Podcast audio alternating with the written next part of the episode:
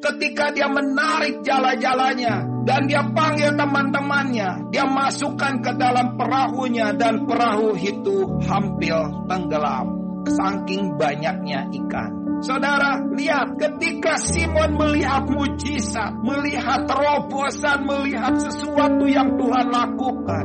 Dia melihat Tuhan.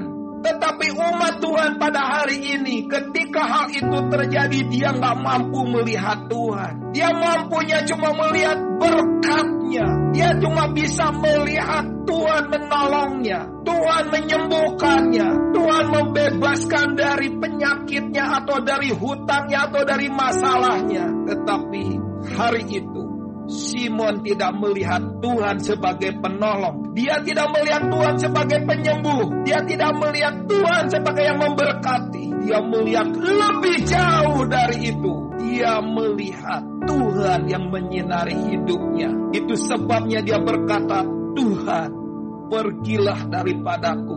Karena aku ini seorang berdosa. Ada orang ditolong oleh Tuhan, tetapi dia juga melupakan Tuhan yang telah menolongnya. Ada banyak orang yang telah dibebaskan dari masalah dan dari hutang, dan itu dia tidak mengalami sesuatu dari Tuhan. Kenapa? Karena nggak mampu mengalami pewahyuan yang lebih tinggi dari itu.